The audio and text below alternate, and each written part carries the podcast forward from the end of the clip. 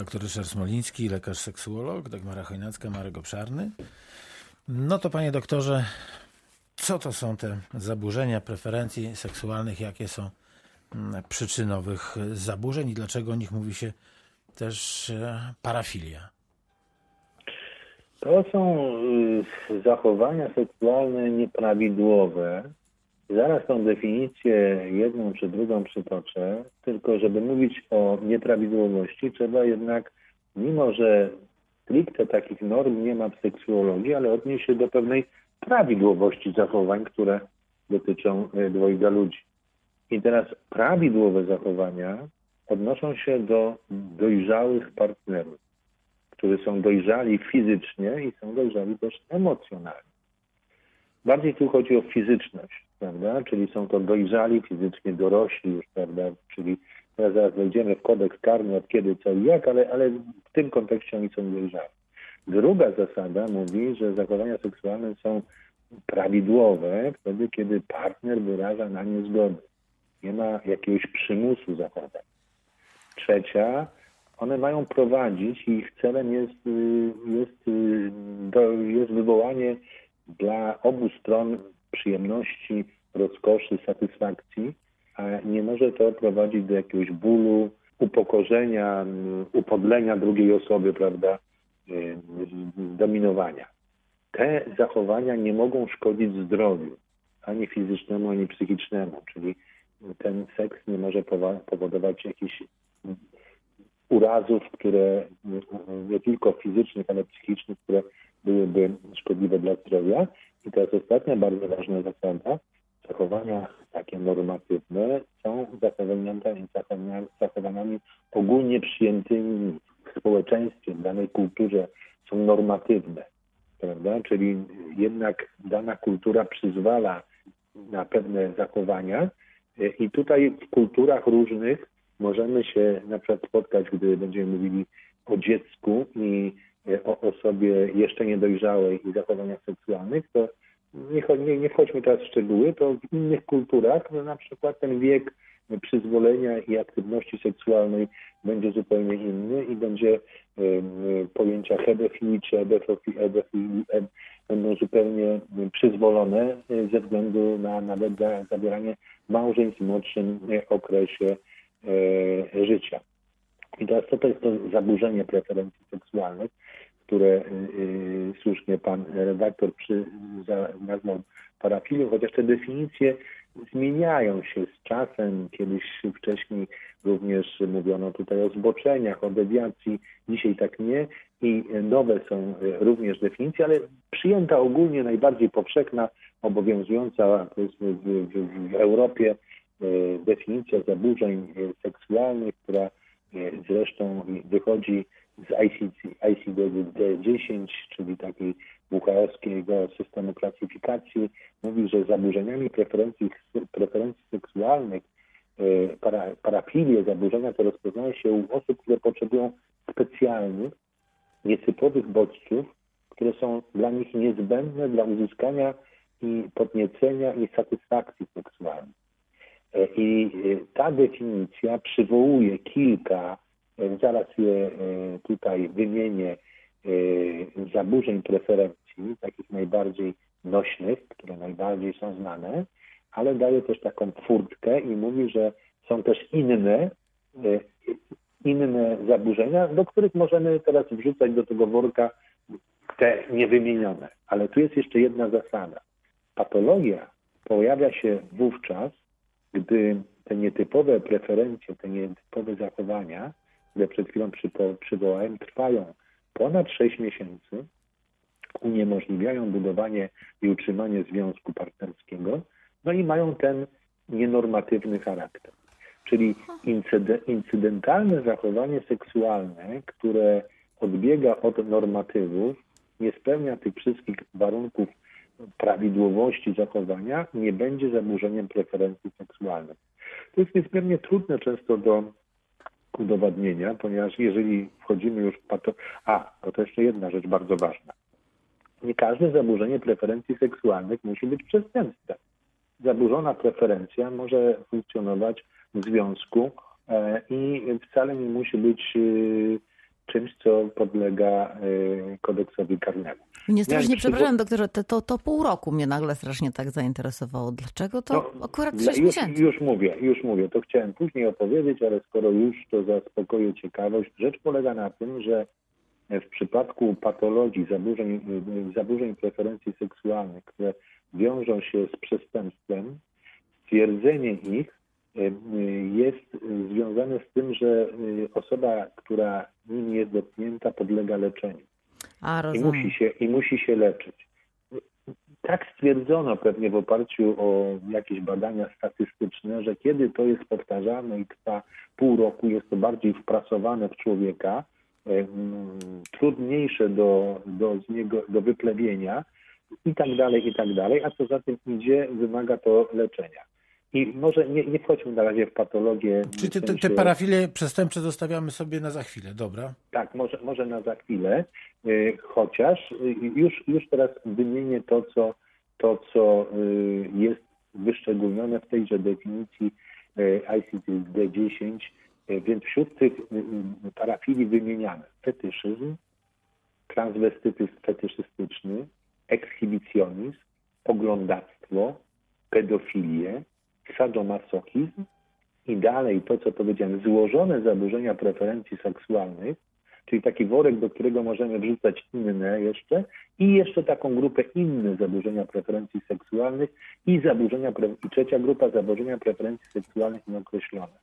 Czyli autor tej definicji przywołał kilka najczęstszych, bo one są najbardziej takie znane, ale zrobił jeszcze trzy worki, trzy grupy, zaburzenia inne, zaburzenia niesklasyfikowane e, i złożone, do których możemy różne, bo tych zaburzeń preferencji może być mnóstwo. Mnóstwo, mnóstwo, mnóstwo. Niektóre które źródła będą- podają, że ponad 50. Ja myślę, że jeszcze więcej. Jeszcze więcej. Ja, ja myślę, że dużo więcej. Człowiek które- ma wyobraźnię. tak, no bo, no bo y, przecież y, jest ich na, sądzę, że ich, jest ich dużo, dużo więcej, a wcale nie, nie są one jakimś y, zaburzeniem, które podlega karze.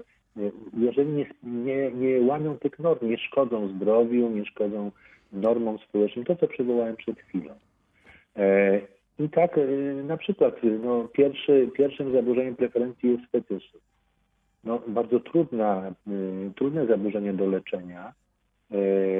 Myślę, że na razie szczególnie będziemy wchodzić i nie będziemy omawiać poszczególnych y, zaburzeń preferencji seksualnych, a może za chwilę, ale, y, czy, czyli, ale on, no cóż z tego, ktoś jest osobą, kto, ktoś ma jakiś fetysz, y, jest to nienormatywne, ale jest to zgodne z prawem. Ma prawo realizować seksualnie swoje preferencje, jeżeli nie szkodzi na zdrowiu, a on przecież tym fetyszem e, nie musi szkodzić na zdrowiu sobie, czy, czy, czy, czy tym bardziej otoczeniu i z, tej, z tą preferencją funkcjonuje. No. No tak, ale To- to czasami jest- bywa tak, że ten fetysz jest o wiele ważniejszy od e, partnera. Tak, ale ja mówię teraz w kontekście, jest to zaburzenie preferencji. Mhm. Fetyszizm jest zaburzenie preferencji seksualnych, ale nie jest przestępstwem. Jasne. Prawda? Czyli musimy powiedzieć jedną rzecz. Nie każde zaburzenie preferencji seksualnych jest przestępstwem. Natomiast idąc dalej, e, ekshibic- transwestytyzm fetyszystyczny różnie tu może być, ale już kolejny ekshibicjonizm, którego chyba wtedy nie wymieniłem, jest przestępstwem.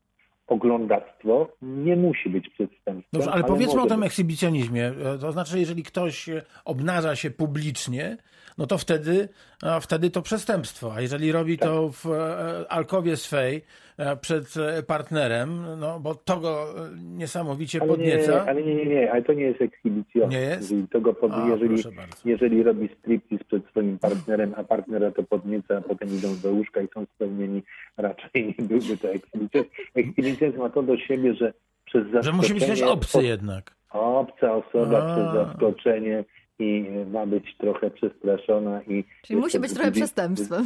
No to, to, to już jest bardzo przestępstwem. tak. I najlepiej, żeby jeszcze wzbudziła podziw. Podziw, jaki to on jest wielki i potężny. Panie doktorze, to mm, ekshibicjonizm już wiemy, Mm, jak to działa, że musi być osoba e, obca. Oglądactwo? Oglądactwo jest y, jednym z wymienionych właśnie bezpośrednio w tej definicji zaburzeń preferencji seksualnych i mamy sytuację taką, że Jest to zaburzenie preferencji, które polega na tym, że podglądanie zachowań seksualnych sprawia satysfakcję. Nazywa się to też skoptofilią i ona sprawia, czyli ktoś, który podgląda, jak ktoś inny realizuje się seksualnie, odczuwa satysfakcję, najczęściej przy tym się masturbuje i w tym momencie tak się spełnia. Panie doktorze, ale czy to jest podglądactwo, czy to jest tak, że, że tak powiem, bez wiedzy tych osób, które w tym momencie... Tak, tak to, to, tu, tu no, typowe takie czyste oglądactwo polega na tym, że gdzieś tam przez dziurkę od klucza, czy w inny sposób ukrytą kamerą e, osoba, która jest tą skoptofilią, oglądactwem dotknięta, e, podgląda zachowania innych osób i tym, no, to, to, je, to tą osobę podnieca, to co widzi i zwykle się podczas tego masturbuje. A I jeżeli to osoby również, wiedzą, to już nie jest. No, można by powiedzieć też, że jest to, jeżeli takie przyzwolenie, ale, ale myślę, że tutaj też ten element zaskoczenia i e, wejścia intym, intymność innej osoby bez ich wiedzy i po, powiększa e, satysfakcję seksualną osoby dotkniętą, dotkniętej tą parafilią. I tu na tym przykładzie można powiedzieć, no, no dobrze, czy to będzie zaburzenie y, preferencji seksualnej, gdy y, kiedyś raz y, akurat przechodząc, no pamiętam taką sytuację sprzed wielu lat, młodym chłopcem będąc koło jakiegoś kampingu, usłyszałem jakieś dźwięki, przechodziłem koło okna i zobaczyłem pa, po, kochającą się parę.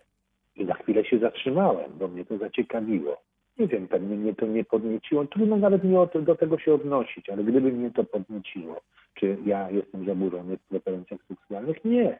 Była to pewna sytuacja, a nie zaburzenie preferencji. Natomiast gdybym ja w tym momencie zaczął odczuwać z tego satysfakcję i szukał i No właśnie, prowadził się, do, do, do powtórzenia tak, takich sytuacji, bo starałbym się właśnie łatwe znaleźć, chyba nie jest. To, to, to, to, łatwiej opowiedzieć na, na przykładzie froteryzmu, bo to jest bardziej... bardziej e, Oglądactwo to, to jest voyeuryzm, tak? To jest to samo. Tak, tak, mhm, tak. Okay.